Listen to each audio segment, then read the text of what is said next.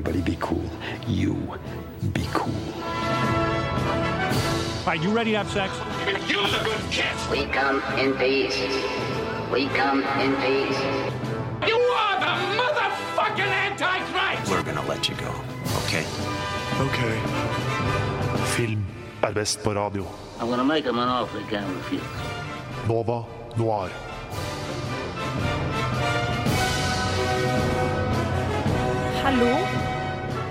Hallo og god morgen. Nå er klokka ti, og det betyr at det er tid for Nova Noir her på Radio Nova.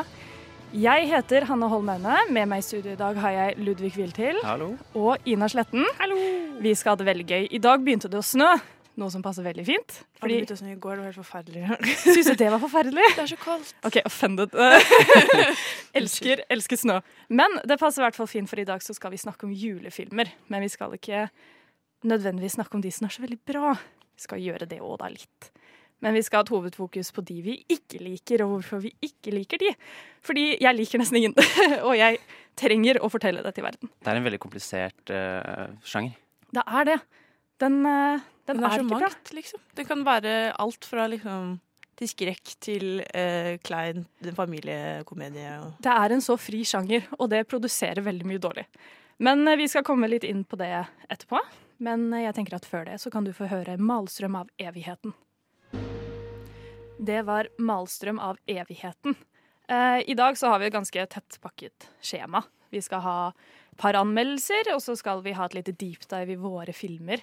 Men før det så tenker jeg å spørre deg, Ludvig. Hva har du sett siden sist? Jeg har sittet og halvbinsja Chef's Table, denne Netflix-original-matdokumentarserien. Jeg er veldig glad i å se på mat, eh, alt mulig sånn.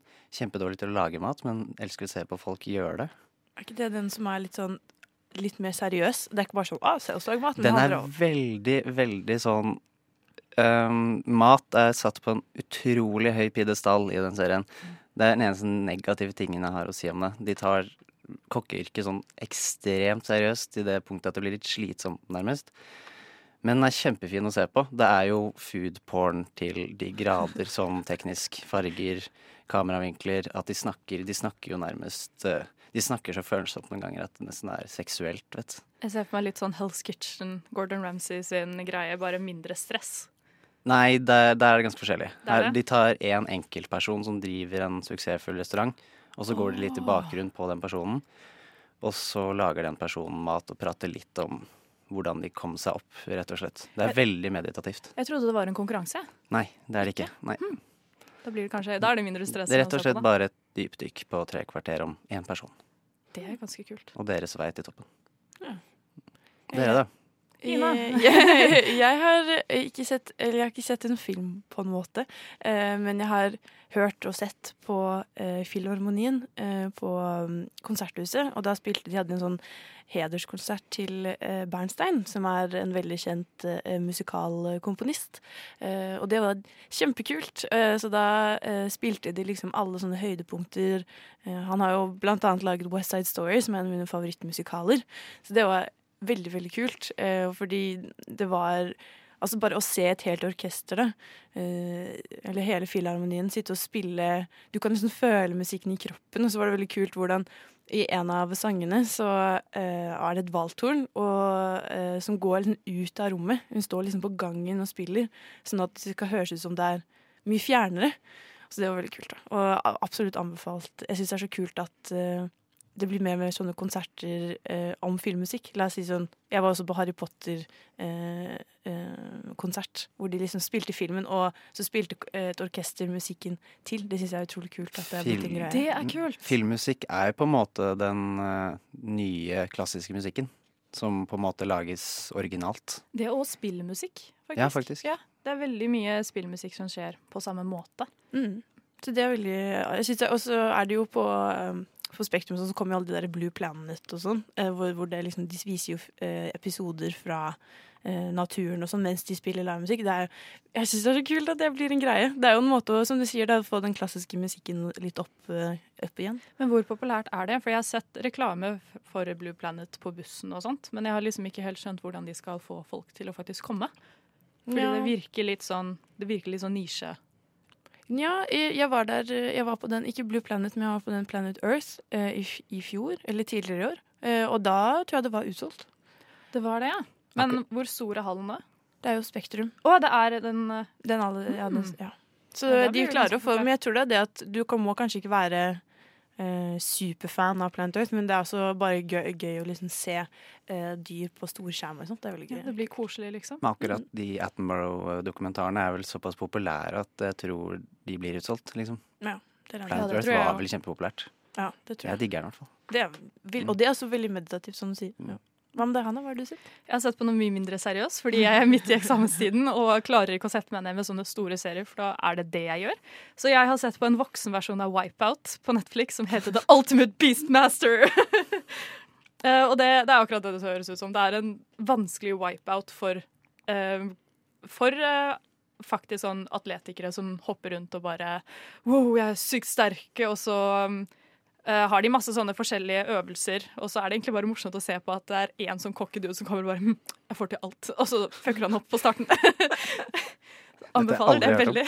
Det er Det er rart gøy. Det er Hvorfor Eller- er det gøy? jeg vet ikke. Folk faller i vann, og så er de sånn wow. De har en sånn kommentatorboks, så det er litt sånn fotballfeeling liksom, når folk blir sånn superintense, eller når kommentatorene blir superintense og kommenterer på alt som skjer, og alt de gjør. Men kommer det litt fra sånn uh, America's Home Videos hvor det er gøy å se folk tryne, liksom? Er det, er det litt det? Det er litt det, men også liksom de øvelsene som er i denne serien, er så vanskelige at man blir oppriktig imponert av de som får det til. Det er kanskje en detalj som kunne fått meg til å bli i scene, for jeg husker Wipeout.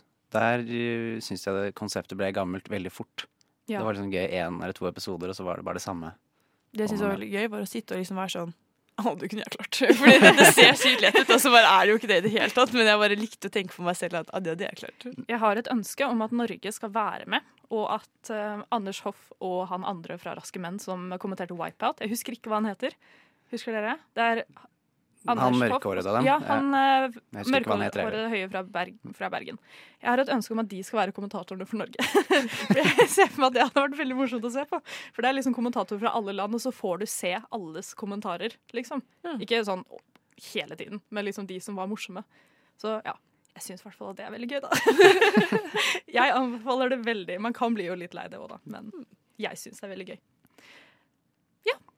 Ja. Mm. nå, har vi, nå har vi gitt litt anbefalinger. Ja, uansett.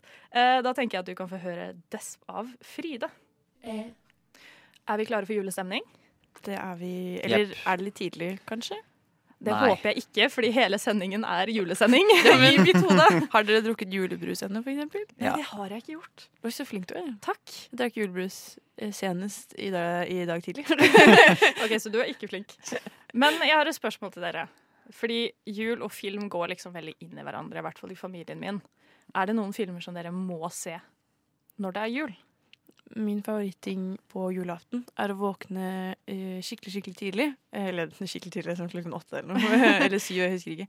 eh, Og se eh, 'Snømannen', den tyske animasjonsfilmen som er bare sånn et kvarter. eh, Som handler om eh, en gutt som har laget en snømann, og så blir snømannen levende. Eh, Kommer og henter han på- Nå høres det veldig ekkelt ut, men han kommer og henter han på rommet hans, og så drar de til sånn snø...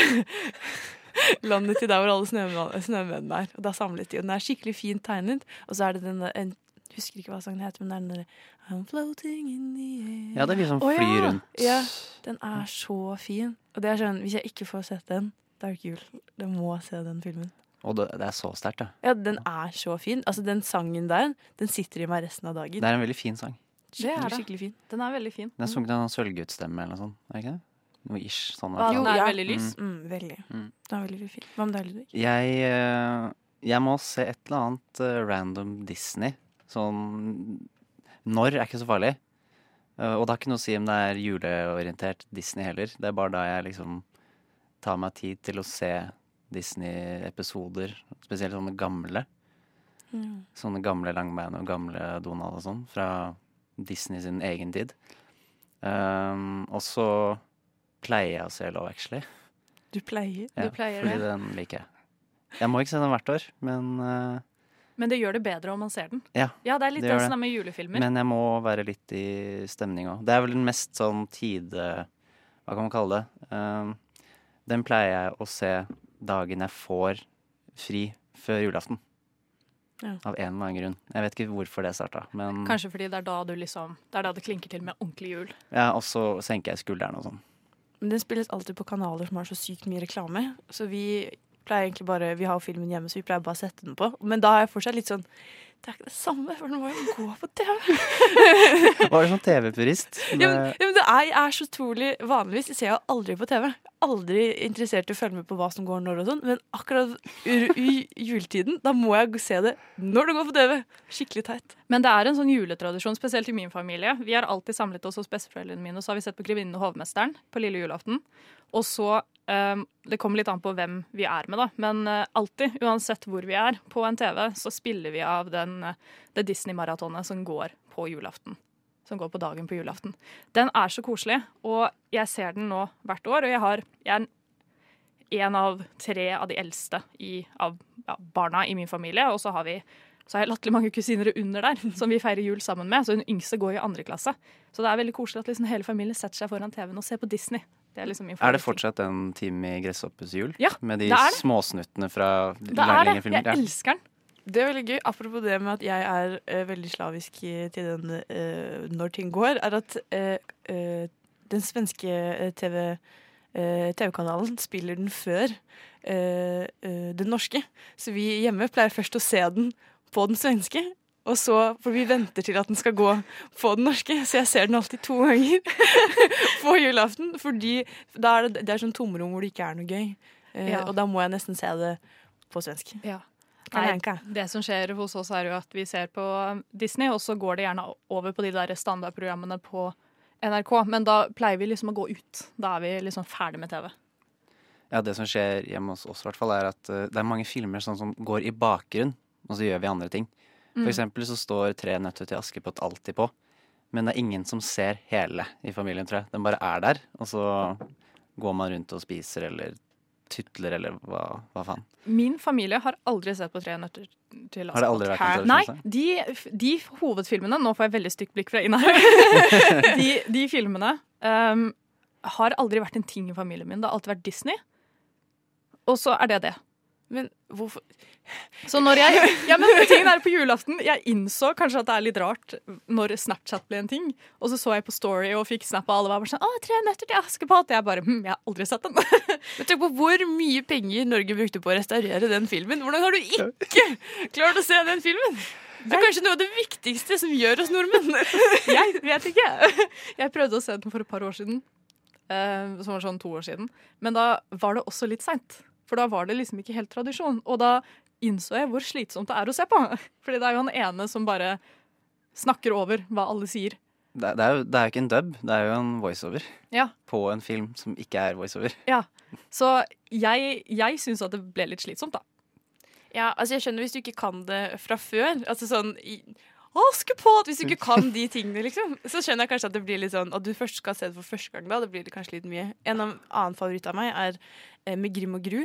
Eh, eller eh, den heter også Rockeulven, for de som eh, kjente den. Og det er sånn, også en sånn litt sånn obskur teaterstykke fra sånn samme eh, område som Tre nøtter til Askepott. Eh, og den er også kjemperar, og det er den der eh, hvor de går i noen veldig rare kostymer, sånn ulven, og så er det geitemoren med alle killingene sine. Men nå har jeg lyst til å begynne å bli litt mer negativ. Fordi nå har vi snakket for mye bra om julefilmer. Fordi jeg har lyst til å hate på dem. Uh, så når, når vi kommer tilbake, så skal jeg ta og snakke om uh, den filmen som jeg har valgt, som jeg liker minst med, ja, av julefilmer. Men for å komme litt i moodet til den filmen, så tenker jeg at du skal få høre Bad Day av Daydre and The Dark. Der hørte du Bad Day av Daydre and The Dark. Og nå skal vi over på en litt sånn kjip stemning. Så da tenker jeg vi kan høre litt her. Can't see a goddamn thing. Quit griping. I like griping. Come on, knock it off. Nova Noir elsker å klage over dårlig film. Da skal jeg snakke om den filmen som jeg ikke liker, og det er The Grinch. Ikke tegneserien, for de som har lyst til å forlove meg for det, men live action-versjonen med Jim Carrey fra 2000. Da tenker jeg vi kan høre litt. With this coat and this hat, I'll look just like St. Nick. You're a mean one, Mr. Grinch. You really are a heel. You're as cuddly as a cactus and as charming as an eel, Mr. Grinch. You're a bad banana with a greasy black beard. Dette er da den andre cringe-filmen som ble laget i USA. Eh, Det ble laget i 2002, og hovedrollen er Jim Carrey som The Grinch. Og så har du også Taylor Momsen som lille Cindy Lou Who. Og eh, ja, det er veldig mange grunner for at jeg ikke liker denne filmen. Men jeg skal starte med hovedgrunnen min, og det er hvorfor Grinchen ikke liker jul, ifølge denne filmen. Fordi Grinchen liker ikke denne Nei, Grinchen liker ikke jul, fordi under juletid da han var liten, så ble han mobbet. Han ble sterkt mobbet av alle i bygden. Bygda han bodde i. Ba, var det sånn sesong, eh, sesongmobbing? Jeg ble, tror ble, han, ble han ikke jeg tror det var konstant mobbing, men akkurat rundt juletider, som er veldig viktig i denne bygda, så ble det liksom enda mer. Og så ble han kalt stygg og ekkel, og at han hadde skjegg, og så prøvde han å shave seg, og da kutta han opp hele trynet sitt. Og så prøvde han da å gi en veldig fin julegave til en i klassen han var forelska i, og så ler alle av han fordi han er så stygg. Så bare husk på at dette her er grunnen til at han ikke liker jul. Bare sånn, Det er jo ganske trist. det er veldig trist, og da jeg var liten, så fikk jeg veldig vondt av det. Fordi altså, han ble jo intenst mobbet. Konstant. Um, så løsningen hans da er um, at han skal stjele julen og ødelegge for alle. Og han har først da prøvd av Eller Cindy Lou Who prøvde jo først å involvere han i julefeiringen, for hun syntes det var trist at han satt oppe på fjellet sitt og hatet alle. Men det gikk jo ikke bra, for han ble jo mobbet igjen for å være stygg og ekkel. Så da bestemte han seg for å nå stjele alle tingene deres. Fordi fuck you. nå gidder jeg ikke mer. Og jeg er fully on board. Ja. Men han er, han er stygg, liksom. Men det er jo alle karakterene. De har jo sånn fucka leppe De ser jo ut som dyr. Det, jeg tror, det er en sånn rar blanding mellom mus og rotte og menneske. Og fordi det ikke er tegneserie, så ser det fælt ut. Og så er det helt sy Hun der Cindy har jo den sjukeste sveisen eh, med de der flettene og Ja, nei, det, det ser ikke bra ut. Det er en annen grunn for at jeg liker den filmen. Den creepa meg litt ut da jeg var liten.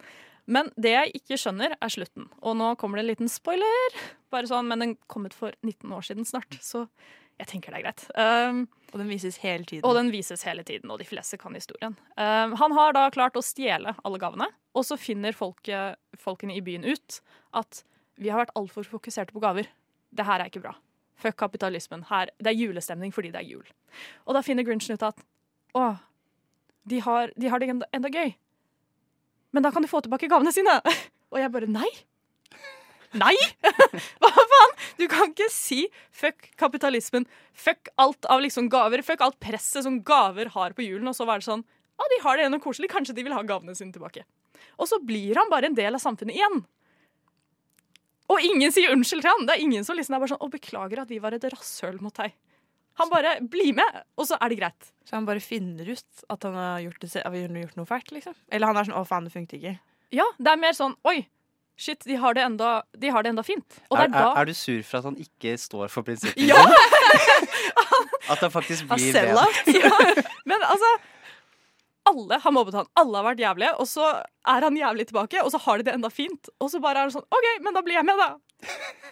Ja, det er litt rar, fix, litt rar moral eh, du lærer der, egentlig. Det er jo ikke en moral. Nei. Det er jo De, de fokuserer hele filmen på å fortelle deg én ting, og så bare tar de det tilbake. Og jeg er bare sånn Nei! Nei! Men hvis du ser bort ifra sånn Ja, OK, det er null moral. Du lærer ingenting av å se denne filmen, annet enn at eh, ikke mobb, men det har ingen konsekvenser. Men øh, er den morsom? Det må være en grunn til at folk syns denne her er så sykt bra. Personlig så synes jeg den ikke er morsom, fordi når Jim Carrey tar inn The Grinch-rollen, så blir han altfor intens. Han blir veldig, veldig Jim Carrey, og jeg skjønner at det er poenget delvis med Grinch-karakteren, men det blir litt for mye. Det var også den tiden hvor Jim Carrey var på sitt mest Jim Carrey. Sånn Ja. Slutten av 90-tallet, Ja. starten av Han, 2000-tallet. han er så fryktelig intens, og han blir så intens at eh, jeg måtte slå på teksten, for jeg skjønte ikke hva han sa. Og det føler jeg er minus i boka, når jeg, må, når jeg kan engelsk og må slå på teksten fordi du snakker rart. Han snakker sånn vet ikke, Det kan hende det er det gebisset han går med, eller et eller annet sånt, men jeg skjønner ikke halvparten av det han sier. Og det ødelegger opplevelsen veldig. Det var jo sånn at kanskje Jack Nicholson skulle spille Eller når det var sånn i tidlig, tidlig, tidlig planleggingsfase, så skulle Jack Nicholson kanskje spille Grinchen. De har, jo, de har jo det samme creepy smilet, da. Eller kan få det frem. Jeg tror han hadde jo vært ekkel på en helt annen måte. Ja. Føler jeg. Da hadde det blitt en dramafilm, eller sånn kjempecreepy. Ja, for da, jeg, Det, jeg føler The Shining hadde skint igjennom der på liksom alt det han hadde gjort i løpet av filmen. jeg tror du hadde hatt mindre sympati for han der, for jeg føler Jim Carrey liksom, ah, du er litt sånn rar, men du er jo søt også, på en måte. Men eh, Jack Nicholson blir jo bare skummel. Jeg vet ikke helt om han skal ha sympati for Grinchen eller ikke, sånn uh, originalt. Jeg, altså I denne filmen her så pusher de jo det veldig. Han ble mobbet. uh, han, når han ble født, når han kom med svanen, så satt han liksom utenfor et tre i kulden i sånn en hel dag, fordi de to damene som skulle få han, bare hadde fest og innså ikke at han var utendørs. Så de finner han dagen etter og bare åh! Ops! liksom. Så de, de bygger opp hele filmen på at det er stakkars han, og at han er Han er jo han, He's a dick, men han eh, han, liksom, han får sympativerdi, da. Fordi liksom, de viser så hardt hva han har gått gjennom i hele livet sitt. Og så bare tar de det tilbake på slutten. De bare er bare sånn Ja, men nå går det fint. Det, det bunner rett og slett ned Hatet ditt bunner ned i at han ikke står for det han gjør. Ja. Eller bare Greit. Ja, men tenk da om du har blitt mobbet hele livet ditt, og så er du jævlig tilbake. Og så skjer det ingenting fordi du er jævlig, og så er det bare sånn OK. Men I, da I hans forsvar så er det veldig deilig når bitterhet forsvinner fra kroppen. Da. Ja, men det er jo ingen som sier unnskyld! det er jo ingen, det er bare mødrene hans som er bare sånn 'Å, vi er så glad for å se deg', og resten er bare sånn 'Å, hei'. Har han, to, har han to mødre? Han har to mødre. Det er jo hyggelig, da. Ja, det er faktisk veldig hyggelig. Ja. Um, og så blir han for så vidt på en måte Han, han får en kjæreste på slutten òg, men det følte jeg litt, det var litt pusha. En kjæreste? Ja, han får en kjæreste. Det er en Ikke hun Cindy? Det er ikke hun Cindy. Det er en Nei. annen dame som jeg aldri fikk med navnet på, så det var litt vanskelig å finne hvilken skuespiller dette var. Så de bare kaster en kjæreste på han, da? For å være sånn, Ja. nå er du også lykkelig. Ja, det var eh, hun som uh, han ville gi den julegaven til. Det er Eh, hyggelig, da. Det var hyggelig. Men det hjelper ikke når Det hjelper ikke! Jeg syns bare er greit. Nei, jeg syns det er fælt. Og jeg skjønner jeg blir skikkelig sint. Men nå må jeg roe meg ned. Eh, Når vi kommer tilbake, så skal Ina få lov å ha en anmeldelse for oss. Men før det så skal vi høre 545 av Nani. Nova Noir presenterer ukens kinopremierer.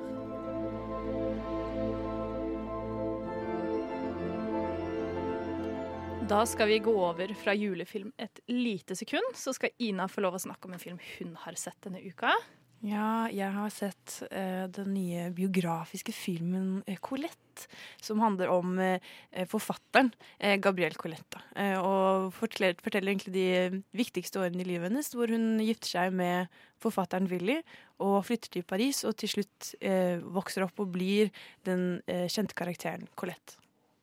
May I introduce to you my new wife, Colette? The wild days are done, eh? On the contrary, the wild days have just begun.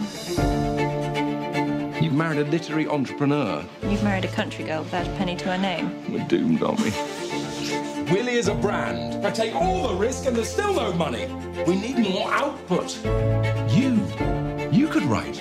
My school stories? Yes, that could be Willie's next novel. Are you writing for him too? Yes. He's made you one of his ghosts already. My name is Claudine. I live in Montigny. I shall probably not die there. Filmen er regissert av uh, Wash Westmoreland, eh, og er også kjent fra filmen eh, Still Alice. Og den handler jo da om ja, Colette, eh, og forteller hvordan hun begynner som en litt sånn ghostwriter for eh, ektemannen sin. Eh, og han har dette store brandet, da, Willy. Så han tjener masse penger på at eh, hun skriver for han. Eh, Colette spilles av Keir Knightley, som du, dere sikkert vet hvem er, altså fra Pirates of Caribbean, eh, Pride and Prejudice, er veldig kjent for å spille i kostymedrama generelt. For denne er jo plassert på 1800-tallet. Eh, og det, jeg visste ingenting om denne filmen når jeg eh, gikk for å se den. Jeg visste bare at eh, det var Keir Knightley, og at det var kostymedrama. Og da er jeg egentlig solgt. Så jeg visste ikke egentlig ikke at det skulle handle om Jeg visste ikke hvem Colette var. eh, egentlig. Jeg visste at det fantes en norsk forfatter som het Camilla Collette. Men, eh, Ikke samme menneske, da. Nei, absolutt ikke. Eh, men Colette er kjempeinteressant og, og er ganske viktig for det skeive miljøet også. Fordi hun var veldig banebrytende på sin tid. Da hun gikk i eh, veldig, Klærne hennes var veldig eh, mørke og veldig maskuline. Og hun, selv om hun er gift med Willy, så hun, innleder hun forhold med andre kvinner. og sånn da, og Hun har også et forhold med en eh, dame som heter Missy, som er eh, en som ikke identifiserer seg som verken kvinne eller mann, f.eks. Og det er litt interessant å se det på eh, 1800-tallet. Fordi jeg føler det er ting folk snakker om i dag, og er sånn 'Å, dette er jo en ny ting', men nei, det har faktisk eh, eksistert eh, i mange, mange år. Eh, og det kan man også se fra mye lenger før det, men det er litt kult at det endelig er representert i film. Og i hvert fall i kostymedrama, som er en veldig sånn tradisjonell og enkel sjanger. Veldig eh, forutsigbar. Det er liksom, hvis du har sett en Jane Austen-film, så har du sett de alle, føler jeg nesten. Det er alltid en ung pike som eh, eh, bor på en gård, og så skal hun gifte seg, og så er det liksom det som er det. Men eh, Colette handler om så mye mer, da. Eh, samtidig som hun skildrer livet eh, til en veldig beryktet forfatter. Eh, og det er en biografisk film, eh, og det betyr jo at den ikke fokuserer på kanskje de spenningsmomentene, da. Det er ikke like mye sånn å, se så dramatisk og se så eh, Blir så engasjert. Det er mer sånn sånn var det, sånn skjedde. Kanskje tykle litt med detaljene, sånn at det skal bli litt mer spennende. Men ellers så er det ganske rett fram. Eh, og det er mange store tidshopp. Eh, ofte fem år eh, imellom og sånn. Og da eh, mister du litt sånn det blir litt sånn fjernt da, noen ganger. Eh, samtidig som det er en kjempegod film. Jeg satt og koste meg så mye. Eh, skikkelig alt Utseendet er så utrolig vakkert. Det er både eh, Colette på gård, og det er både fra der hun kommer fra, og når hun kommer til byen, eh, og hvordan hun også takler eh, hvordan klesstilen hennes sakte, men sikkert utvikler seg også. da. Synes jeg er veldig utrolig fint fortalt da, eh, av eh, Westmo- Westmoreland. Men om du skulle gitt denne filmen en karakter, hva hadde du gitt den da? Det er det som jeg, jeg satt jo og koste meg så mye, fordi eh, jeg liker kostymedrama, jeg liker fotografiske filmer, og jeg syns det var veldig koselig. Eh, så for meg eh, så tenkte jeg at hvis du vet hva du går til, eh, og hvis du, hvis du forventer spenning og dramatikk, og det skal være så sykt følsomt Det er jo, det er jo absolutt eh, Jeg satt og gråt, og, men det er mer fordi jeg blir veldig rørt når jeg ser eh, lesbisk representasjon på et kinolerret. Det syns jeg er veldig koselig, da. Men i hvert fall, jeg ga den en åtte av ti. Fordi ja. den gir deg akkurat det du forventer deg. Det er, ikke, det er sånn som hvis du ser en actionfilm, og den er den gir deg det du forventer deg. Da. Du vil se at folk blir slått, og at det er litt sånn teite one-liners og sånn. Det er akkurat det denne filmen gjør da, eh, for en biografisk og kostymedramatisk film. Så absolutt eh, en veldig gjennomført eh, adopsjon av eh, Colette sitt liv, og eh, hvem hun var, og den historiske eh, verdien eh, hun setter i, i litteraturen, da. Da kan vi i hvert fall konkludere med at om du liker kostyme, kostymedramaer, da må du dra og se den. da. Absolutt. Ja. Hvis du har lyst til å lese litt mer av Ina sine tanker, så ligger det også en artikkel ute nå på radionova.no. Anbefaler den veldig. Ina skriver veldig godt også. Tusen takk. Um, da skal vi gå tilbake til filmer vi ikke liker. Uh, og derfor har jeg veldig lyst til at du skal få høre 'Håpløs slash ukomplett' av Pikekyss. Der hørte du 'Håpløs slash ukomplett' av Pikekyss. Og nå skal vi gå over på noe annet som er totalt håpløst. Ludvig? Ja, huff a meg. Uh, det er min film, da. Jack Frost fra 1998. Og vi kan vel egentlig bare høre en fæl 90-talls uh, trailerstemme sette oss i stemning. Once upon a time, in the town of Medford, there lived a man named Jack Frost. Happy holidays! All musicians really flaky? Yeah. He had a beautiful wife and a loving son, but his job kept him away from home. I brought you this. And your harmonicas? I got that the morning you were born. And you play that no matter where I am. I can hear it. Then one night, something happened. Something terrible. It's okay, it's okay, it's okay, it's okay. I miss him too. I miss him too. that turned into something wonderful.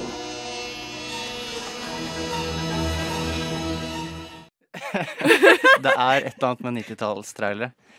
Men dette wonderful som skjer etter at faren dør, er jo at faren kommer tilbake som en snømann.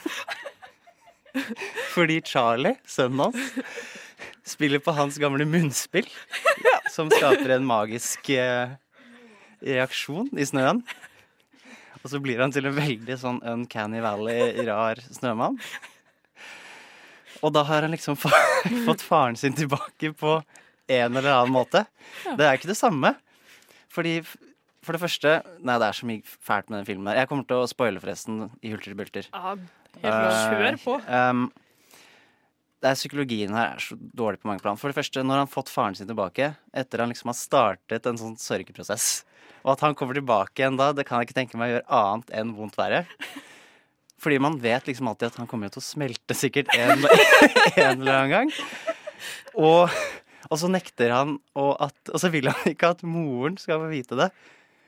Fordi han Da føler han at han gjør henne lei seg. Sønnen er ikke så farlig, Nei. men uh, dama hans er det. Ja. Jeg syns det er veldig gøy at det var sånn He has a beautiful wife and a loving child. Det var så 90-tallet at jeg får litt vondt. Og så kommer Charlie, da. Og han lever jo sitt eget liv med en bølle etter seg. Og så kommer liksom faren, som aldri var der fordi han er, er, er i band, ikke sant. Og han mener at faren har flaket han gjennom hele livet. Fordi han er på turné og sånn. Eh, og så skal han komme og liksom hjelpe ham mot disse bøllene, da, i snømannform. Det er alltid best å fikse ting Men etter så, du er død. ikke sant? så, men så finner Charlie ut at bølla hans, da, jeg husker ikke hva han heter nå, så finner ut at han også har farsskjermer. Siden faren stakk da han var ung. Så de bonder med at de har mistet uh, fedrene sine. Men at På litt han- forskjellige måter. Men at den ene har pappa igjen, da. Ja. Ja. Altså, Charlie må nesten drepe faren sin da, for å kunne fortsette båndet med De, de anerkjenner aldri på noe som helst tidspunkt i filmen at han kommer til å forsvinne. De jeg, har, jeg, har, jeg har liksom inntrykk av at Charlie tror at han kommer til å være en sånn snømann som liksom bare henger rundt huset hele tiden. Åh, når jeg blir sint bare av å Men da jeg så den igjen i går, jeg har ikke sett den på kjempelenge, så i mitt hode så ble jeg en snømann sånn helt på starten av filmen. Jeg trodde at åpningsscenen var at faren døde. Men det kom jo ikke ut før i 40 minutter ute i filmen. Oh, ja. Og den varer i halvannen time. Så de har liksom lagd en sånn karakterbakgrunn til Jack Frost, som spilles av Michael Keaton, forresten. Først Michael Og- Keaton. Ja. Hva er det du driver med? Og faktisk, så fun fact, så ble Det var et helvete for produksjonen, fordi Snømannen ble designet for George Clooney, siden det var egentlig han som skulle være han. Så alle mannerismene til Snømannen er basert på George Clooney, ikke på Michael Keaton. Og George Clooney innså sikkert en dag da han våknet opp at det her kan jeg jo ikke være med på. George Clooney er smart, altså. Det Ja, han var det. For dette er jo bare en eh, Det er bare rot. Og så Og så, blir, og så skal han bestevennen til faren, som er spilt av Mark Addy Ikke sånn 20 men han er Robert Baratheon i, i Game of Thrones. Han spiller sånn eh, bestekompisen. Han prøver seg på moren da, og blir sammen med moren. Så nå blir han plutselig stefaren hans mens faren ser på som, som Snømann. Der alt er bare helt Det er skikkelig trist. Jeg hadde blitt skikkelig furt som den snømannen, da. Men hvor er det sånn Fordi det kan jo ikke Det er jo ingenting Jeg blir bare frustrert at ingenting er liksom grunnet i noe realistisk i det hele tatt. Er det noen gang hintet til at kanskje Charlie har litt uh, sliter med et eller annet? Nei, altså Det eneste som kanskje kunne reddet filmen, var faktisk om de hadde coppa out og gjort det til en drøm, på en måte. Ja, det At, at, liksom, at det er litt sånn Tommy og tigeren-type ting. At han drømte fram faren sin ja, Som en sånn sorgprosess. ikke Men det som skjer, er på slutten bare Det er den derre 'jeg kommer alltid til å være hjertet ditt'-type Det er den eh, lærdommen der. Og så, forsvinner den i lufta. I ja, sånn- jeg så for meg sånn der at eh, Jeg vet at du sa at han ikke smelta, Mm. men jeg så for meg sånn der Jeg kommer alltid til å være her. Og så kutter de til svart, og så er neste greie at han smelter. Liksom At han ligger At det bare er sånn damp på bakken. Men enda sånn creep-element er jo at han, det, den der med den, eh, eh, det munnspillet er jo at han sier 'jeg kan alltid høre deg'. Er det ikke sånn at Det siste han sier er I, can, I will always hear you. Han sier det på starten, og han sier det på slutten. Det er jo litt creepy. det. I can always hear you. Og i den filmen her så virker det som det er en verden hvor han faktisk hører det. Ja. Så han, det virker som han driver og ser alt Nei, nei, nei. Ja. Men er det bare sønnen som kan høre? det er da- det jeg ikke skjønner helt. Fordi da kan det jo hende at han faktisk bare dytter rundt på en snømann. Nei, det tror jeg bare- ikke, for han driver og hiver ut snøballer og sånn. Jeg tror det er litt sånn ba ba Jeg tror det er litt sånn at barna merker han, og ikke voksne. Oi, sånn Toy Story? Nei. Nei, ikke Toy Story. Unnskyld. Nei, jeg har ikke noe bra sammenligning, jeg heller. Men det virker som barn er crazy nok til å se det. Jeg vet ikke. Det som er litt gøy, hvis du ser Jeg, også og prøvde liksom, jeg, jeg husker også jeg har sett den på barneskolen for kjempelenge siden. Og så fant jeg noe som kom et år før, før som heter, også heter Jack Frost. Det er, det er jo er helt annet. Det er skrekkfilm! Eh, Fordi da handler det om at det er en eh, massemorder som driver og kjører en eller annen bil, og så krasjer han, og da er det noen kjemikalier i den bilen som gjør at han blir til en snømann. Og da skal han ta hevn på den familien som liksom fersket, fersket han. Da. Så det er en, og han ser jo Det er liksom Jack Frost bare med sånn spisstenner. Og den gjorde det faktisk ish nok bra til det kom en toer som heter eh, Jack Frost 2 The Revenge of the Mutant Killer Snowman. Hvem er det som lager de filmene her? En eller annen som har en snømannsfetisj et eller annet sted. 90-tallet. Ja, er 90-tallet er faktisk herlig, da. Ja, Det, det, er herlig har når man, faktisk, mye når man kan få sånne ting her å prate om. Nei, nei jeg bare konkluderer med det er, det er bare forferdelig, og psykologien er bare Det er bare krasj. Ja, Ja, nei, man- man det, det hørtes ikke bra ut. Når eh, vi kommer tilbake, så skal vi få besøk i studio av eh, Julie. Eh, men før det så skal du få høre I am, I'm On Top av Ota.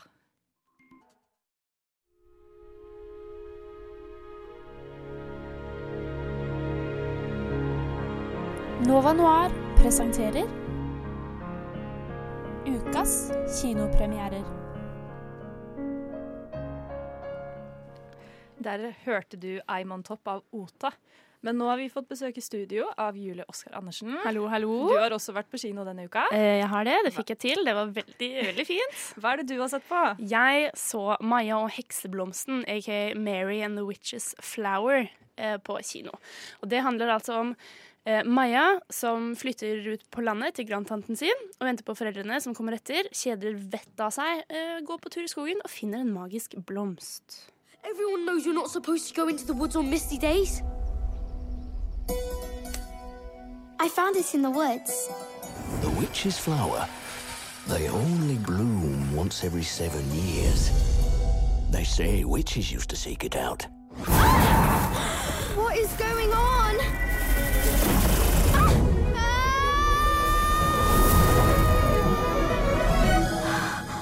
Tonight, I really am a witch. Det var jo en bitte liten smakebit på um, hva filmen handler om, men det er, eh, det, er, det er det som skjer. Hun møter en gutt som heter Peter, eller Peter på godt norsk. Eh, og hun finner da en magisk blomst i skogen og får magiske krefter. Og så er hele rabalderet i gang, rett og slett. Det er eh, regissert av, av Hiromasa Yonobayashi, som tidligere var med i Studio Ghibli. Så dette er et nyetablert studio som heter Studio Ponok. Og jeg var eh, mildt sagt gira, ettersom jeg er eh, kanskje i konkurranse med Ludvig, eh, Noirs number one Ghibli-fan. Hadde kanskje litt høye forhåpninger da jeg satte ned i kinosalen for å se denne filmen her. Jeg syns estetikken var veldig lik. Jeg hadde trodd det var en Ghibli-film hvis jeg bare hadde sett Men det, men det trodde jeg jo, for jeg så bare plakaten, og jeg tenkte å, Ghibli-film, sykt koselig. Ja. Eh, Det er Jeg tror ikke du kunne skilt det hvis det ikke var for logoen på starten, omtrent. Eh, Og det er veldig mange fine øyeblikk gjennom filmen som gir eh, hommage til tidligere Ghibli-filmer. Sånn det er en eh, en, å, hva det heter? Dådyr. så for eksempel, som kommer hoppende, og det er jo et nikk til eh, prinsesse Mononoke, for eksempel. Og dyra han rir på der, og det er mange sånne øyeblikk gjennom filmen, så det er veldig gøy for en Ghibli-fan å sitte og se på og få med seg disse små blunkene da, til tidligere filmer. Det som er med Ghibli-filmer, er ofte at de funker både for barn og for voksne. Jeg lurte egentlig på, Klarer de det i den her òg? Eh, nei, dessverre. Fordi eh, en veldig flott verden, alltid skildret på magisk vis. Eh, både fordi det er magi, og fordi den er bare utrolig vakker og estetisk pen å se på. Men selve historien og karakterene er ikke like innbydende og reflekterte som de har vært i tidligere Ghibli-filmer, da. Jeg vet at det kanskje er litt urettferdig å sammenligne, men samtidig så kan du liksom ikke helt eh, la være når de har valgt å legge seg så nærme stilen da, som Ghibli-filmer har. Og jeg vil si at både hovedpersonen og de andre karakterene i filmen ble litt eh, platte, og de var veldig endimensjonelle. Og det er liksom ikke helt tilfellet, føler jeg, med Ghibli-filmer. Så det var litt, litt, skuff Oi, litt skuffende, egentlig. Men er den øh, spennende? Er det liksom fengende? Har du, syns du det er interessant? Kunne du sett den igjen, eksempel? Starten var kjempespennende, og du blir dratt eh, inn i dette universet med en gang. Men så daler det litt, for de bruker ganske lang tid på å etablere Maja og hennes omgivelser og hvor hun kommer fra, hvem hun er. eh, Som de kanskje kunne gjort på en litt mer effektiv måte. Og når historien virker som den kommer til å ta seg litt opp, så ender den opp med å bli litt eh, repetativ og ganske forutsigbar. Men for et barn så ville jo ikke det vært et problem. Men den passer ikke like godt for voksne, akkurat den her. Eh, Jeg vet jo at du så den på norsk, eh, men det er jo i eller den er jo originalt japansk. Og et problem som norske dubbere har hatt med japanske filmer, er at kulturen ikke helt oversettes på en god måte. Syns du det var et problem her? Ja, for noen ganger så er det noen setninger som blir litt vel veslevoksne for en, sånn, en tiåring å si på norsk. Eller sånn, det føltes veldig unaturlig, da, noen av replikkene, for eksempel. Um, men det igjen tror jeg ikke er noe et barn ville tenkt på. Det er jo en film for barn. Men det var veldig gøy å høre Anette Hoff blant annet eh, ha stemmen til eh, rektoren, og det var kjempegøy. Så, sånn, nesten Koselig å koselig blande litt sånn Hotell Cæsar inn, i- inn i universet, liksom. Jeg syns man skal blande Hotell Cæsar inn i mer, mer ting, rett og slett. Men eh, ja, hadde kanskje litt store forhåpninger, som ikke helt ble innfridd, dessverre. Men om du ikke er Ghibli eller denne, eller Ghibli-sjanger-fan, da, er den verdt å se, da? Jeg tror kanskje du hadde, i hvert fall som voksen, hvis du tar med et uh, yngre menneske, om det er, om det er en eh, lille småsøsken eller noe annet, eh, så tror jeg kanskje du kommer til å ende opp med å sitte og kjede deg litt uansett. Og selv jeg som er så ufattelig Ghibli-head og elsker animasjonsfilmer overalt på jord, syns noen ganger det ble litt kjedelig. Så tenk på det, da. Det, ja. Om du skulle satt en karakter, da? Nei, Jeg har slitt litt med det, eh, for jeg vil jo gjerne belønne filmen fordi den er så estetisk pen og vakker, og at de liksom våger å ta seg tid til ting og virkelig vise eh, små detaljer ved livet til eh, hovedpersonen. da. Men når det ikke gikk noen steder, og når hun allikevel føltes litt platt og endimensjonell, så så jeg ikke poenget med å ta seg den tiden, da, og den var ganske lang. Um, og hvor lang da? Nesten sånn rett oppunder to timer.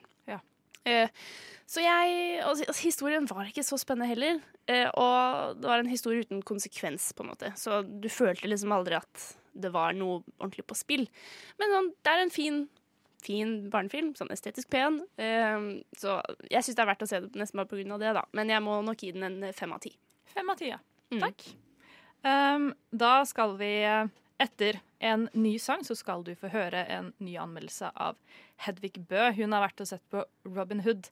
Men før det så skal du få høre Bellyache av Jack. På fredag kommer enda en filmatisert versjon av folkelegenden om Robin Hood, denne gangen regissert av Otto Bathurst. I denne versjonen møter vi en ung og jovial lord Robin of Oxley, spilt av Taron Egerton, som på ordre fra sheriffen i Nottingham må ut og krige med korsfarerne. Ved hjemkomst er ikke ting slik han forventet, og han slår seg sammen med mauriske John, spilt av Jamie Fox, for å gjøre det Robin Hood gjør, nemlig å ta fra de rike og gi til de fattige. This is the story of a thief. You wanted to steal. Now's your time. He stole from the rich and gave to the poor. What else you got? I call him Robin Hood. It's got a nice ring to it, don't you think? One thing keeps the sheriff in power the money. I want to hit the treasury itself. How would you do it? Set up a meeting. Everyone is with us. Rob! How did you know it was me? You call that a disguise? Well, it fooled everybody else! This is suicide. The danger's what makes it fun.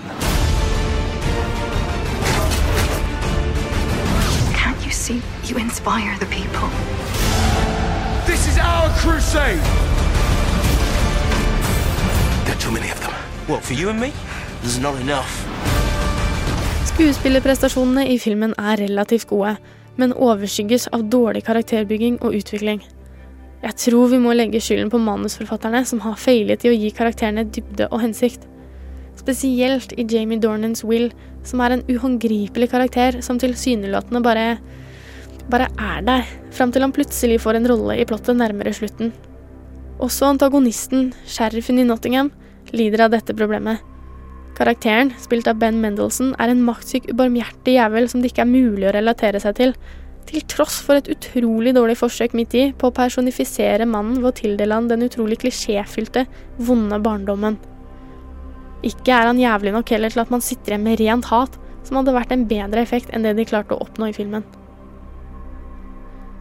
I tillegg til dette har filmen et noe forvirrende uttrykk, spesielt i valg av effekter og omgivelser. På et tidspunkt i filmen befinner vi oss med korsfarer i Arabia, men måten scenen er filmet på, gir mer følelsen av å være med amerikanske soldater i Afghanistan. Mot slutten kan det nesten virke som vi er i et dystopisk, futuristisk Nottingham med bygninger støpt i metall og flammekastere overalt. Altså, flammekastere. De har til og med redigert inn flammekastere i de tydelig animerte panoramabildene over Nottingham. Heldigvis er det én ting som blir gjort riktig i filmen, nemlig actionscenene. De er velkoreograferte og innovative, raske, kule og detaljerte. Det er jo Robin Hood, og bruken av pil og bue tilføyer filmen et kult aspekt. Ikke minst er det en utrolig fet scene som tar oss rundt i hele byen, opp gjennom treverkshus og over byen på provisoriske trebroer. Og alt dette til hest. Inkorporeringen av hest i en slik scene tilføyer filmen et middelaldersk preg og er med på å redde noe av filmens verdighet.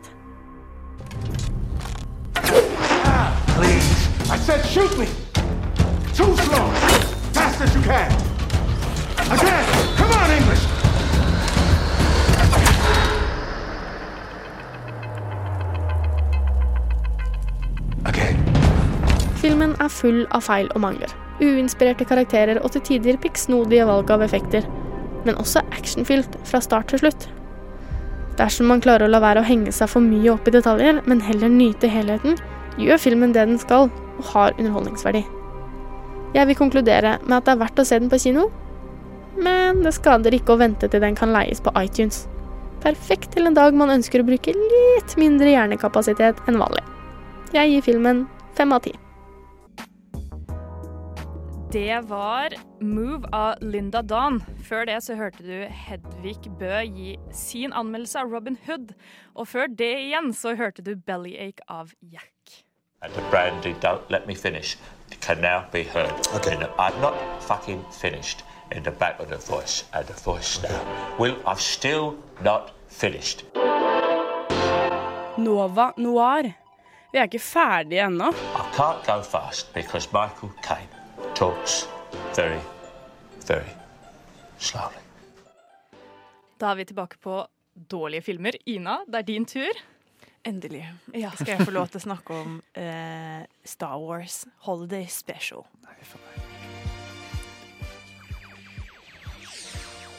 Luke Skywalker and Han Solo rescued the princess, destroyed the Death Star, but their story didn't end there. The frying pan in the fire, huh, pal? I know it's an important day. Say that again. Now, the creators of the biggest smash hit of all time bring you the next episode in the Star Wars saga. Mama, it's so good to see you. Happy Life Day. Either Chewbacca or Han Solo to the screen, please. She says that she would like to grant your request, but is quite unable to do so. You mean they haven't arrived yet? Ja, som du hørte der, uh, spilt uh, med en litt sånn juleaktig Star Wars-tune, så handler det altså om dette. Denne filmen da, kom i 1978, eh, og den handler da om Chewbacca. Eh, rett og slett. Eh, eller det er sånn at de, de, Dette er rett etter da den første kom, ikke sant? de ville liksom melke så mye de kan. Så da kommer de med Holiday Special, gå på TV. Eh, og George Lucas har nevnt at han har litt lyst til å ha en egen film bare om eh, Chewbacca. Så nå er det ikke jul, men Life Day, som de kaller det i universet. Langt, langt borte. Eh, og Chewbacca skal hjem til familien sin, sin kone eh, Malla, eh, sin far Ichi og det Og det berømte barnet Lumpy. som da er eh, de som Ja. eh, Han holder nært i sitt hjerte. Men pga. imperiet, som alltid skal komme og kuke litt rundt, så kommer de ikke fram med en gang. eh, og det skaper jo problemer. Så mesteparten av filmen foregår hjemme på eh, Kashyyyk, eh, som er den planeten Chewbacca kommer fra. Eh, og da er det liksom eh, Imperiet bare driver og prøver å finne ut hvem er det egentlig som bor her. Er det Chewbacca som bor her? Og samtidig så får du litt sånn eh, småblikk av Chewbacca og Han Solo som flyr i Millennium Falcon for å komme seg til planeten. Og så har du Leia som er sånn Å, kan jeg snakke med Han Solo? Og så er det sånn Har han ikke kommet ennå? Nei! Og så er det sånn Ja, men de kommer sikkert snart. Det går nok fint. Og så er det også en liten scene med Luke eh, som er sånn Å nei, jeg må bare fikse noen greier. eh, Og beklager, håper det går fint. Og de er bare med i sånn bitte, bitte små sekunder for å liksom justify at dette er en Star Wars-film, da. Eh, og den er kjemperar. Eh, den er, jeg tror George Lucas, Hvis han kunne velge, så kunne han bare fjernet den fra eksistens. Eh, fordi den har fått så mye slakt. Den har liksom blitt eh, nesten sånn Det er litt sånn som The Room, at den er så dårlig at eh, folk bare ser den fordi det er gøy. Mm. Eh, Det er masse rare innslag, mye sånn musikkinnslag. Det kan nesten telles som en musikal. eh, På måten det er liksom eh, dansenummer og band som spiller. Eh, Og så er Du ser det at eh, karakterene er bare så utrolig Det er så lavt budsjett. Lumpy, da. Lumpy. Uh, the one and only. Han ser jo ut som Husker de der fruktene uh, som var sånn What's up? De som var sånn Når du limer på De som bare limte på sånn øyne og munn. Det er sånn Lumpy ser ut! En hårete appelsin! Det er Lumpy. Og fordi dette er på Kashik, så er det jo bare masse Chewbacca-lyder. Så det er liksom Det er 90 minutter med sånn Hele tiden. Men var det teksta igjen? Nei. Jeg har sett den, men eh, det, er ikke, ikke var ikke teksta. Det er bare veldig tydelig kroppsspråk. Det er bare veldig rart. Mm. Og den har hatt mye forskjellige sånn eh, Anklaget for blackface, for eksempel. Eh, for det er en eh, scene hvor det er en komiker da, som eh, har liksom en sånn derre eh, eh, kokkeprogram. Eh, og da handler det om at eh, han liksom er en sånn Det er liksom en mann da, i drag, på en måte, og så har han fire armer, men så har han blackface. Og det er blitt veldig sånn kontroversielt å snakke om eh, etter hvert. Og det er en scene hvor faren til Chewbacca, Itchy, ser på porno. Eh, han sitter for en sånn gave av en sånn nabo, og så setter han Det ser ut som det er sånn, du er hos hårfrisøren, og så får du sånn eh, maskin over hodet ditt. Du, du skal krølle håret ditt, eller Ja. noe sånt. Eh, og så får han, setter han på den, og da er det Den manifesterer sånn ditt eh, største ønske, og da er det denne damen som begynner å synge sånn veldig sensuell sang til Itchy, og sier sånn Oh, you're so adorable. Og så lager han sånn gryntelyder og sånn. Og så er det sånn i stua, sammen med familien. Jævla nasty. Det er kjemperart. Ja, men hvem er denne filmen for? Ingen. Den er for ingen. Hva? Hvem er det som har skrevet dette og tenkte ja, det her, det her er bra. Dette er Det var, det var forsøk på cash grab som gikk fullstendig galt. Det er jo et prima eksempel på ikke, altså de som bare melker kua. Det er bare sånn de, nå, ok, det ble populært, og så kommer det en film til, og da må vi bare lage noe imellom. Så George Lucas hadde jo ingenting, eller veldig, han mener at han ikke hadde noe med dette å gjøre, selv om de andre i casten har sagt at han har godkjent det og sånn. Eh, Men han er sånn, jeg kunne aldri ha sagt ja til dette, og øh, det er kjempedårlig, fordi det ble dårlig, ikke sant? Men OK, eh, du er hjemme på hjemmeplaneten til Chewbacca. Kashyyyk. Kashyyyk. Kajik. um, det betyr jo at de må jo ha lagd veldig mange flere av disse sånn Chewbacca-kostymene. Hvordan ser de ut? For jeg vet at de brukte veldig mye tid på Chewbacca sitt kostyme originalt.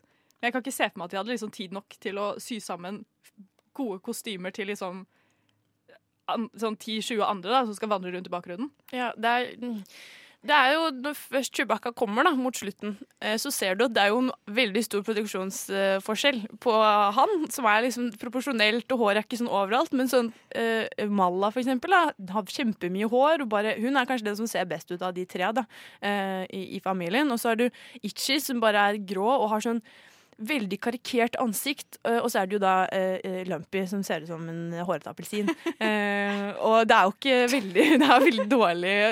Men du ser at også de har brukt mange av eh, rekvisittene fra den første filmen. Så det er en, et innslag fra den eh, Mons Eilig-kafeen. Den, den kafeen der, for eksempel. Og da har de de, de der rare aliensene som som eh, som spiller instrumentene, og du har Alle de vesenene er der, på en måte. Da. Så de har jo lånt veldig mye fra den første filmen. Eh, men de nye kostymene ser du er veldig sånn, dårlig gjennomført, egentlig. Ettersom George Lucas ikke vil forbindes med denne filmen i det hele tatt. Hva syns du av de som er med i filmen? Sånn uh, Harrison Ford og Ingen, Ja, og- ingen ville være der. Nei, nei. Og Carrie Fisher sin sang er jo Synger er Carrie Fisher? Ja, Det for slutten. helt- Det er litt gøy, fordi Carrie Fisher er jo eh, datter av en veldig kjent eh, musikalstjerne, Debbie Reynolds. Eh, og eh, det var liksom, dette var på en måte starten hennes Hun skulle liksom lounge sin musikkarriere da, etter denne filmen her. Oh, Men så skjønte jo alle at det var jo egentlig ikke så god stemme. og, og hun ser veldig sånn space out, den, eh, den sekvensen der. Så det ble ikke noe av det, da. Eh, Heldigvis, kanskje. Men det ender jo faktisk veldig morsomt med en litt sånn kultaktig scene. fordi For å feire Life Day så tar alle sammen på seg sånne røde eh, skjortler. Eh, og går rundt med sånne der, eh, globuser som liksom lyser. da eh, Og så synger de denne Life Day-sangen, som tilfeldigvis er samme melodi som Star Wars-filmen. Å, nei. ja, så det er veldig gøy, da. Men eh, den er bare kjemperar, og jeg skjønner ikke hvordan noen kunne ha godkjent dette, liksom. Jeg har bare ett siste spørsmål. Mm. Er det bare på Ka, Hvordan sa du det? Kashik. Kashik. Er det bare der de feirer Life Day, eller er dette sånn universell greie? Det sier de egentlig aldri. Nei, ok. Men det eneste bra med denne filmen her egentlig er at det er et lite innslag i midten eh, som er animert. Og den er egentlig veldig kul, og den er, det er veldig kul animasjon. Sånn, eh, karakterene er vel karikerte, men på en veldig sånn ja, morsom måte. Men det er også da første gangen Boba Fett blir introdusert. I denne Hæ?! Faktisk. Ja. Hvorfor det? ja, det er, det er litt det som er litt rart, da. Eh, Men da er det en, sånn, en liten sånn side eh, track, da. At de liksom, en annen historie hvor de lander på en planet, og da møter de også Boba Fett. Og, finne, og det begynner egentlig med at han og Luke er skikkelig gode venner. De er sånn, og Luke er sånn å, han er skikkelig kul og skikkelig hyggelig, og sånn. Og så viser det seg at han er en del av imperiet, da. Og da var det sånn, å ja. Så det er litt sånn heartbroken. Så det, det ga liksom en lint, enda en liten sånn detention. Backstory. Ja, så nå tenker jeg på eh, eh, den scenen hvor de driver og slåss eh, sammen med på Tatooine, da. Eh, i, i, i, det er vel sekseren? Eller Nei. Eller femmeren eller sekseren. I hvert fall det er ikke så farlig. Men da blir det plutselig litt mer sånn tension mellom de etter at du har sett den. Og det syns jeg er litt kult. Så se denne filmen om du vil ha litt mer tension mellom Boba Fett og. For det er ikke dårlig, det er bare veldig rart. Og litt kjedelig. Det høres ut som de har hatt veldig mye, eller kanskje litt lite fantasi mens jeg lagde denne filmen. Men uh, da skal du få høre 'Imagine On' av Grapetooth. Det var 'Imagine On' av Grapetooth. Og nå skal vi snakke om en uh, ny film. Ja, det er egentlig helt enig. Det minner meg egentlig om Goodfellas. Å ja, den har jeg ikke sett, faktisk. Å, du har ikke sett Goodfellas? Hva med Gudfaren, da? Nei, nei, jeg tror ikke det. Du har ikke sett Gud... øh, hva med Fight Club, da? Mm, nei. Å, å gud Vi har en jobb å gjøre. Pile of shame. Pile of shame. Pile of shame. Ludvig, du shamet meg og Ina på eh, hva internettet beskriver som den dårligste julefilmen som noensinne er Jeg, laget. jeg vil vel uh, si at dere kanskje shama litt dere selv. Eh, For jeg nevnte jo for noen dager siden 'Bjelleklang', denne filmen fra midten av 90-tallet med Arnold Schwarzenegger, julefilm. Hvor han rett og slett skal Nei, det kan vi ta tilbake, men snakke, komme tilbake til. Men i denne spalten her så skal vi rett og slett shame dere i å ikke ha sett den. Selv om jeg vet liksom ikke om det er shame. Det er også noe vi kan diskutere etterpå. Men vi kan høre hva dere sa i forkant før dere så den.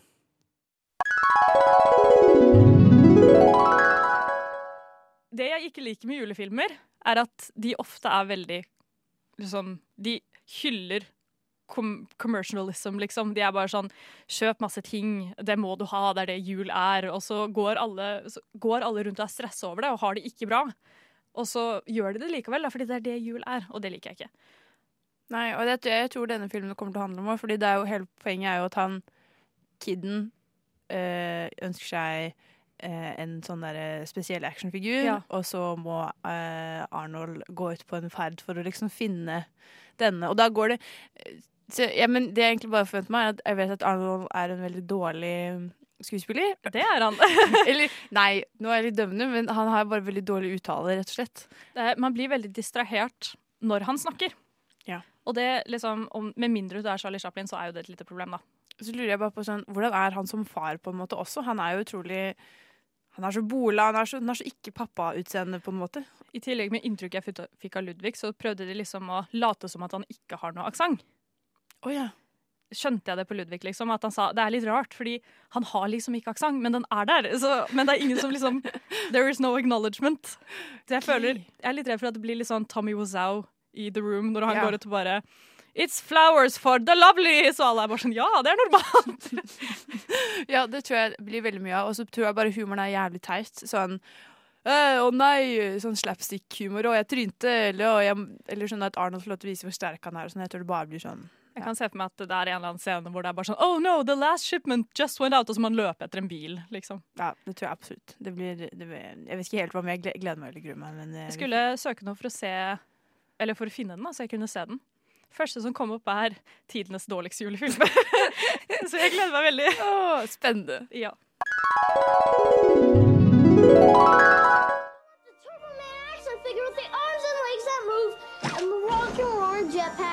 the arms and legs that move, and the rocket roaring jetpack, and the boomerang shooter. Getting it is every child's dream. Whoever doesn't can be a real loser. Finding it You got the doll, right? is this father's nightmare. I'll get that toy. I promise. Whoa! Nothing like waiting until the last minute, Howard, sir. Especially on Christmas Eve.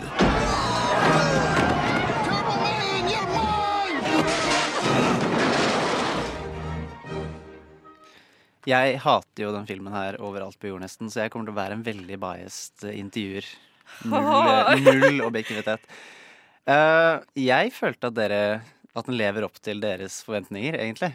Lever opp til er jo Lever ned til, om du vil. Treffer. Den treffer i hvert fall det vi forventer. Det er absolutt den eh, i hvert fall den teite humoren, og at eh, Arnold får lov til å liksom vise sånn Å, se så sterk jeg er, og verdens beste far, og han, til slutt hvor han går liksom i det der Turbo Man-kostymet, hvor han bare er sånn Se så utrolig digg jeg er!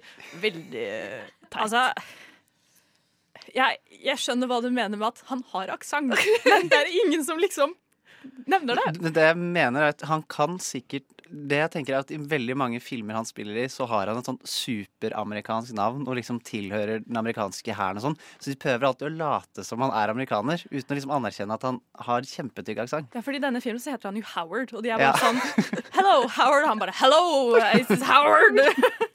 Det jeg synes er så utrolig teit med den, er at han prøver konstant å komme med masse sånne ord, ordspill. Og så er det sånn, for eksempel når han snakker med kids, så er det sånn Are those hands registers at leth at, eh, as lethal weapons? Eller sånn, kom, Og så sier han så sykt mye buddy. Hele filmen er bare sånn Hei, buddy. Eller come on, buddy. Og det er bare sånn Du kan ikke kalle alle buddy! Det er, det er superamerikansk. Og, det er og det er så gøy, fordi det funker ikke. Det funker ikke. Det er veldig mange elementer av denne filmen som faktisk kan være direkte creepy. Som uh, Han kommer seg Han må jo løpe til masse forskjellige butikker, og så var det én butikk som har sånn lotteri, sånn du kan vinne Turboman-dukke. Og så skal han få eller så deler de ut kuler, da, og så skal de lese opp tall på hvem som liksom har vunnet. Og så er det én kule han er liksom fast bestemt på at den skal han ha. Og jeg skjønner ikke, fordi det ligger sånn 100 kuler rundt ham. Og så løper de etter den ene som faller ut av butikken. Og så er det en liten jente som får den. Eh, Og fordi det er 90-tallet, så trodde jeg at dette var en liten gutt. Og så plutselig så bare stuper han ned i en sånn ball, ballpit etter å ha sklidd ned en sklie etter å ha jakta på denne jenten rundt liksom en liten lekehall. Ja, da, da blir det litt sånn pedoalarm òg. Ja, det blir det. Og så er det bare sånn Hei, little girl, give me that ball! og moren kommer og bare Hæ? Og slår han med vesken. Det er fordi han grabber jo ansiktet hennes. Så, han er, for det så følger han etter henne i hele det der lekeland. Så det er sånn Han driver og klatrer gjennom sånn bitte små hull og sånn, og så faller han ned i den ballbiten, og så bare ser du, og så kommer det sånn Hey, little girl, do you, look at this ball, do you want to trade it? Og så er hun sånn nei, og så bare grabber han henne sånn i ansiktet, for hun putter den i munnen. Ja, det var kjemperart. Men da reagerer de heldigvis riktig, da alle damene begynner å slå han. Så det er for det er Han riktig. blir også han har en sånn run-in med den samme politimannen gjennom hele filmen.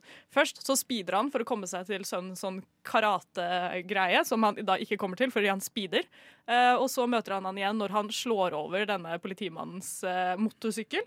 Og så møter han den igjen når han har brutt seg inn på en, en radiokanal for å liksom stjele en dukke der. Eh, og så blir han involvert i sånn bombegreie hvor det er en sånn postmann som er bare sånn 'Jeg har en bombe!' Og alle bare ha-ha. Liksom. Og så Det eneste tingen som jeg synes var litt rart med den scenen, er at dette her er jo USA. Som en svart mann hadde stått med en pakke og bare 'Jeg har en bombe', og alle politimenn rundt står og peker en pistol på han, så hadde han blitt skutt. Var det jeg tenkte Ja, på. det, det, det er for så vidt sant. Ja. Det, det jeg blir veldig imponert over den politimannen, er at han åpenbart har som, Han gjør så mye, han. Han, er både, han sitter både på motorveien og passer på at folk ikke speeder, og så tar han bombetrusler. og så til slutt så er det jo sånn at han eh, Det er jo han, han, han postmannen, han stjeler også den dukken til slutt, og da kommer også politiet, og det er også han lederen. Så jeg bare tenker, denne politimannen her, ass. Han er, han er I tillegg så har han faktisk fått en bombe eksploderende i trynet. Han går rundt den siste delen av filmen med bandasjer på hendene. Og så er han ennå på jobb! Han bare seg selv fortsetter.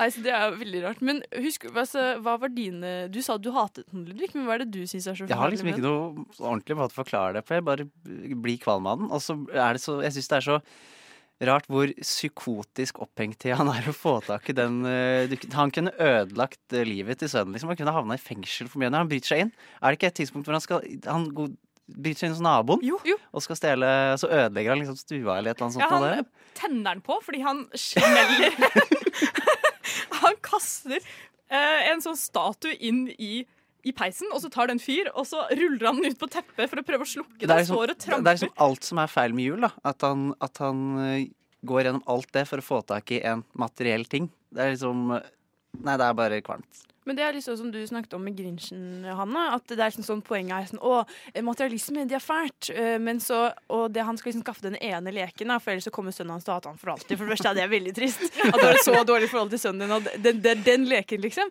Men så ender det jo med at han ikke vil ha den leken leken likevel. Fordi Arnold er jo egentlig Turboman, så han trenger jo ikke Turboman-leken når han har Turboman i huset. Men det ender jo fortsatt med at han bare gir den til noen andre som har lett etter den kjempelenge. Så Ja, det er jo ikke bare det. Han gir den til den mannen som nesten drepte denne gutten. Fordi på slutten så er det en sånn greie hvor Arnold, Arnold er Turboman i kostyme, og så har han postmannen kledd seg ut som liksom fienden til Turboman, og så løper han da etter sønnen til Arnold for å få tak i den dukken, for den har jo da han vunnet på en sånn paradegreie. Og så ender det opp med at de henger over en bygning. liksom 20 meter faller rett ned, og alle er bare sånn Oh, what a great show! Liksom, ingen som reagerer på dette Alle er litt sånn, det er del av programmet! det gikk litt mer engang. Og så gir denne gutten da dette til, eller denne Turboman-dukken til um, han som nesten har fått han til å falle ned fra en bygning. Det Jeg vet ikke helt hva jeg syns. Det er veldig rart. Ja, jeg synes ikke den, synes den, den er jo rar, men jeg, jeg har ikke noe, fikk ingenting ut av det, egentlig. bare. Det var Nei, det, det skjedde liksom Alt skjedde, og så skjedde ingenting. Veldig sant. Ja. Ja. jeg er ikke helt over det. Men eh, jeg har lyst til å komme inn i litt sånn riktig julestemning. Eh, Og da skal vi høre på eh, min favoritt-emo-julesang, som er What's This fra The Nightmare Before Christmas. Christmas Town? Hmm, Christmas Town. Det var What's This fra The Nightmare Before Christmas. Og Ina har kost seg enda litt mer. Eh, Men eh, det får du høre om nå. Dere skal alltid bare sitte der og kritisere. Hvis dere synes det er så jævlig, gjør det bedre sjæl, da. To bevere ble bitt av en radioaktiv eh, spekkhogger. Det er, litt vanskelig å forklare. Han er en drage, men han vet ikke selv ennå. Her, her vanker Oskar. Altså, poenget var da altså, Poenget er da at det der ville jeg betalt for å slippe å se. Nova Noir lager manus. Ja, Ina. I natt så lagde du manus. Det gjorde jeg fordi eh, hva trenger man ikke enn mer julefilmer? Eh, og alle julefilmer er utrolig like. Så jeg har skrevet en eh, juleskrekkfilm. Eh, det syns jeg hadde vært litt spennende, da. Ikke Jack Frost, eh, The Mutated Snowman, eh, men eh, det handler om eh, vi har, altså, Alle disse filmene har gjennomgående eh, kommersialisering, om forbruk og om altså, bare sånn dårlige julefilmer. Eh, og denne filmen skal også handle om vanene våre. Så hva om julenissen, han er lei? Han ser at hvert år blir vi bare grådigere og mer forferdelige eh, eh, hver jul. Og vi ser han stønne. En iPad til en ettåring! Og han sykker. En ny jakke. Men fikk ikke du, Tilde, en dyr, varm jakke i fjor? Hva er galt med den i år? Han er ferdig. I desperasjon så snur han seg til Loke uh, har jeg skrevet her, men det er fordi jeg ser veldig mye på Vikings for tiden. Uh, så det kan også bare være en annen uh, trickster god, uh, med i hvert fall en litt sånn slu person. Eh, og så ber han da hjelp menneskene finne sin barmhjertighet, sin kollektive glede og ambisjoner for fremtiden. Ellers blir det snart ingen flere julefeiringer. Og jokeren, eller Loke, eller hva enn dere vil kalle han, eh, på lille julaften så sprer han da en forbannelse over hele Vesten. Altså de rike landene, USA, Norge, hele pakka. Eh, og alle overfladiske objekter kommer til liv. Juletrærne de rister og higer etter pust, men det går ikke, fordi stadig flere trær forsvinner. Og de er jo tross alt kuttet fra røttene sine. Ungdommer blir taklet av klærne sine, som er frustrerte og fulle med hjertesorg fordi de kun har blitt rørt én gang for et halvt år siden. Og kalkuner, ribbe, lutefisk og pinnekjøtt de forfølger vettskremte foreldre med et spor av blod. Hvor god er egentlig restemat fem dager på rad? Og så er det opp til ikke navngitt jente, jeg har ikke gitt henne et navn ennå, eh, fra en familie med lite penger, men som egentlig bare hater jul. Og Violeta Sofie Aurora Harpines, en gjennomsnittlig rikmannspike, eh, som har alt hun trenger, med masse, masse mer. Og de skal sammen knuse forbannelsen. Dette gjør de gjennom et møte med sine største frykter. De blir stadig nærmere, kanskje dette er mer enn bare et vennskap, hvem vet? Eh, Violeta må konfrontere sin eh, forferdelige livsstil, og ikke navngitt person eh, tenker seg på seg selv som veldig uselvisk, men er hun egentlig det? Og sammen, da, gjennom lesbisk kjærlighet og eh, omtanke for verden, skal de endre menneskets atferd og forhåpentligvis da redde julen. Ja. Så dette er da eh, min pitch eh, til julefilm. Eh, Jeg tenker det hadde vært eh, gøy. Jeg har et Hvor, spørsmål hvor da. gory snakker vi? vent, da. vent da. Jeg vet det er mye spørsmål først. her. Ta Ludvig Ludvig. Ja, Hvor gory snakker vi? Du sa skrekkfilm. Ja, altså det, er jo, altså det blir jo ganske ekkelt. Det er jo eh, Ungdommer blir kvelt av klær, og eh, kalkuner angriper eh, Og eh, lutfisk angriper eh, mennesker. Med, med døden som Og, hensikt. og eh, trær eh, gråter i smerte og lidelse. Jeg tenker at Det er jo kanskje ikke så mye gørr, men mer sånn Sympati, forferdelig eh. Veldig sånn 'Å, herregud, hva er det vi driver med?' Som får litt sympati for de tingene vi bruker så mye penger på. Da. Er det egentlig vits å ha de? Ja, jeg hadde litt det samme spørsmålet. Hvordan er det du skal vinkle dette her så det blir liksom oppriktig skrekk? Syns ikke du det hørtes skummelt ut? Jo. jo Men uh, hvor, eh, hvor, hvordan integrerer vi denne lesbiske kjærligheten? Og hvordan møtes de? Føler du at vi må gjøre noen spesielle grep for å Du ønsker ikke å være så defensiv. Nei, men, men, men trengs det? Trengs det? Absolutt. Alle filmer trenger jo kjærlighet. Hallo, Det ser man jo gjennomgående i alle filmer. Jeg blir jo veldig lei av det selv, men hvis vi absolutt skal ha en kjærlighetsinterest Sånn som til og med Grinchen får jo kjæreste i sin film, ikke sant?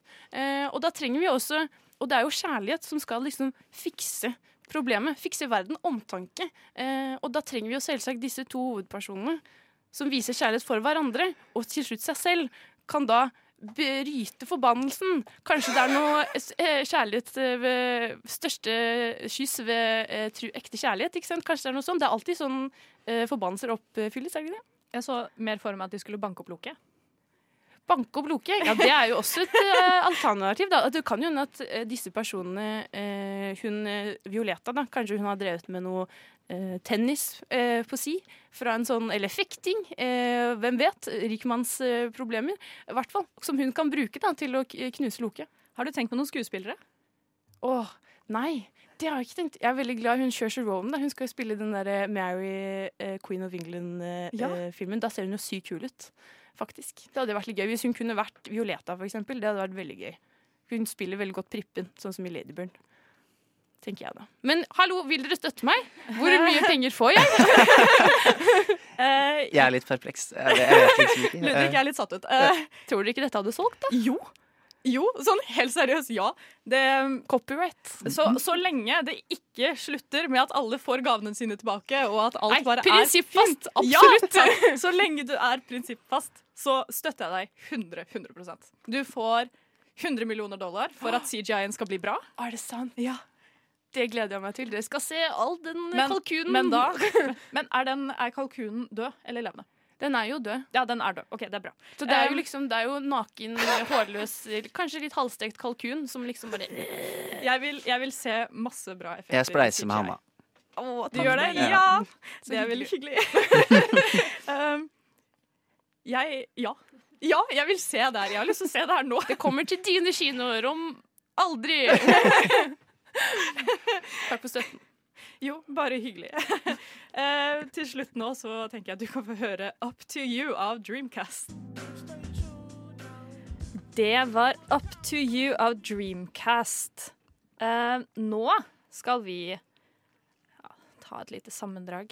Fordi vi spurte på starten av sendingen om er julefilmer egentlig en sjanger? Det er sånn sesongbasert eh, Jeg føler det er en blanding av en sjanger og en sånn sesongbasert greie. Fordi det er definitivt en sjanger i det at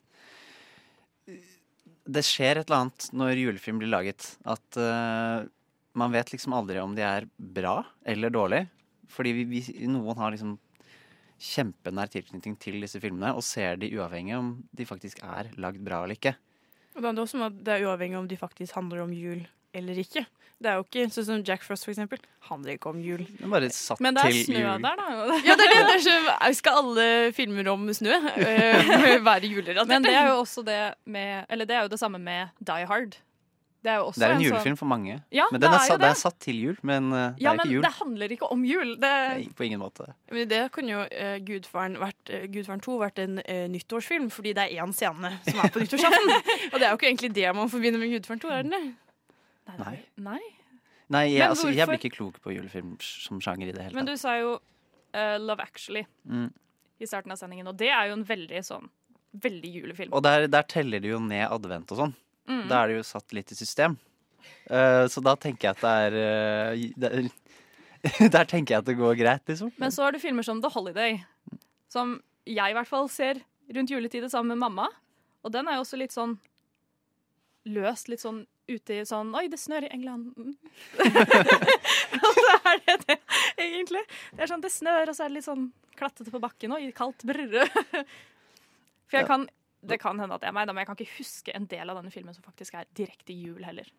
Jeg har aldri sett den, jeg. Jeg bare vet at den alltid spilles rundt jul. Ja, ikke sant? Men jeg kan ikke Den ser skikkelig dårlig ut. Jeg, jeg kan liksom ikke huske helt om han satt i jul heller. Det Nei, sånn- jeg husker bare at det var snø, og hun som byttet eh, fra Los Angeles til England, var bare sånn Jeg går i stilett og hele og er kaldt. Jeg føler også som TV-kanaler bare bruker jul som en unnskyldning til å spille masse drittfilmer på TV. Fordi La oss si sånn Mitt eh, Eller de derre øh, Stefmor fra helvete eller sånne type ting. Sånne filmer som bare er sånn familierelaterte. De handler egentlig ikke noe om jul, og egentlig aldri plassert dem. Det er bare familiefilmer som folk ja, Vi setter og ser på TV med familien, for det er det vi gjør rundt juletider. Så da gidder vi å se for en gangs skyld og se denne eh, teite amerikanske filmen som egentlig har, ikke har noe innhold i det hele Vi skal tatt. cashe inn. Men i USA så lager de jo veldig mange sånn TV eh, Christmas movies som er bare Og det er den, forferdelig. den har jo egentlig ikke noen særlig handling. Nei, det er Det er- en familie som kommer i et ørlite problem, og så, Og så blir det liksom krise. blåser de det opp. De har jo mange eh, TV-serier også som har sånne juleepisodespesialer og sånn. Ja. Men det, jeg har aldri skjønt helt det heller. For det er sånn, ja, OK, dere har også jul i deres univers. Det er Men det er, det er også sånn når de har sånn Halloween specials, liksom. Det er bare sånn OK. Og så, og så liksom. Fordi det skjer sånn en veldig spesifikk ting i disse juleepisodene, og så er det litt sånn OK, bye! Da driter vi i det. Det var bare sånn koselig. Back to normal, liksom. Vi så for eksempel Netflix nå under Thanksgiving, så eh, hadde de en sånn liste med alle Thanksgiving-episodene i disse store seriene. Og så er det sånn, er det det man gjør, da? At man sitter på Thanksgiving og ser alle andre feire Thanksgiving? Jeg bare skjønner ikke Ja, Men hva vet du? Vi er ikke amerikanere. Ja, det kan hende det er en amerikansk greie. Jeg føler Mm. norske er veldig sånn, Vi ser jo på Reisen til julestjernen, og vi har liksom vi er ikke så veldig glad i nye ting. La oss si sånn Nei, eh, På eh, julekalendere, da når det skal komme sånn nye julekalendere på NRK. Folk er jo så sinte over at det ikke er jul i Blåfjell! Eller at det ikke er jul i Svingen! Det er jo helt sykt for sinte folk blir. Men i USA så kommer det jo nye julefilmer hele tiden. Men jeg må si det, vi er jo veldig vanemennesker her i Norge. Ja, det var sånn den gangen eh, eh, Greven eh, Nei, Var det da i farger? Nei, nei, nei. Det som skjedde var at eh, de ville ikke spille Grevinnen og hovmesteren likevel. Og så fikk NRK masse klager. Eller var det nei, de spilte den for tidlig. Ja, det var det det var, så folk fikk ikke sett den. De spilte sånn en halvtime tidlig, og folk Folk hadde satt seg ned klokka ni for å se den, og de bare Hva faen? Hvor er grevinnen og hovmesteren? Så De måtte De måtte gjøre det igjen. Ja, de måtte gjøre det igjen. De fikk så mange klager, og de bare ha, ups, liksom. Men det var jo også et år hvor de vurderte å ta den av, og det gikk jo ikke bra, det heller. Så vi i Norge, vi er vanemennesker. Men jeg syns vi har hatt det gøy i dag. Veldig. Vi Det har har, vært veldig gøy. vi har snakket om veldig mange dårlige julefilmer. Vi har fått tre anmeldelser. Ina har anmeldt Colette. Julie Oskar Andersen har anmeldt Maya og hekseblomstene. Og så har Hedvig Bø anmeldt Robin Hood. Mitt navn er Hanne Holm Aune. I studio med meg i dag så har jeg hatt Ina Sletten og Ludvig Wiltil. Og bak spakene så har vi hatt Julie Oskar Andersen, så hun har vært her hele tiden. Men eh, da ses vi neste uke klokka ti på torsdag. Det gjør vi. Det gjør vi. Ha det bra. Ha det. God jul.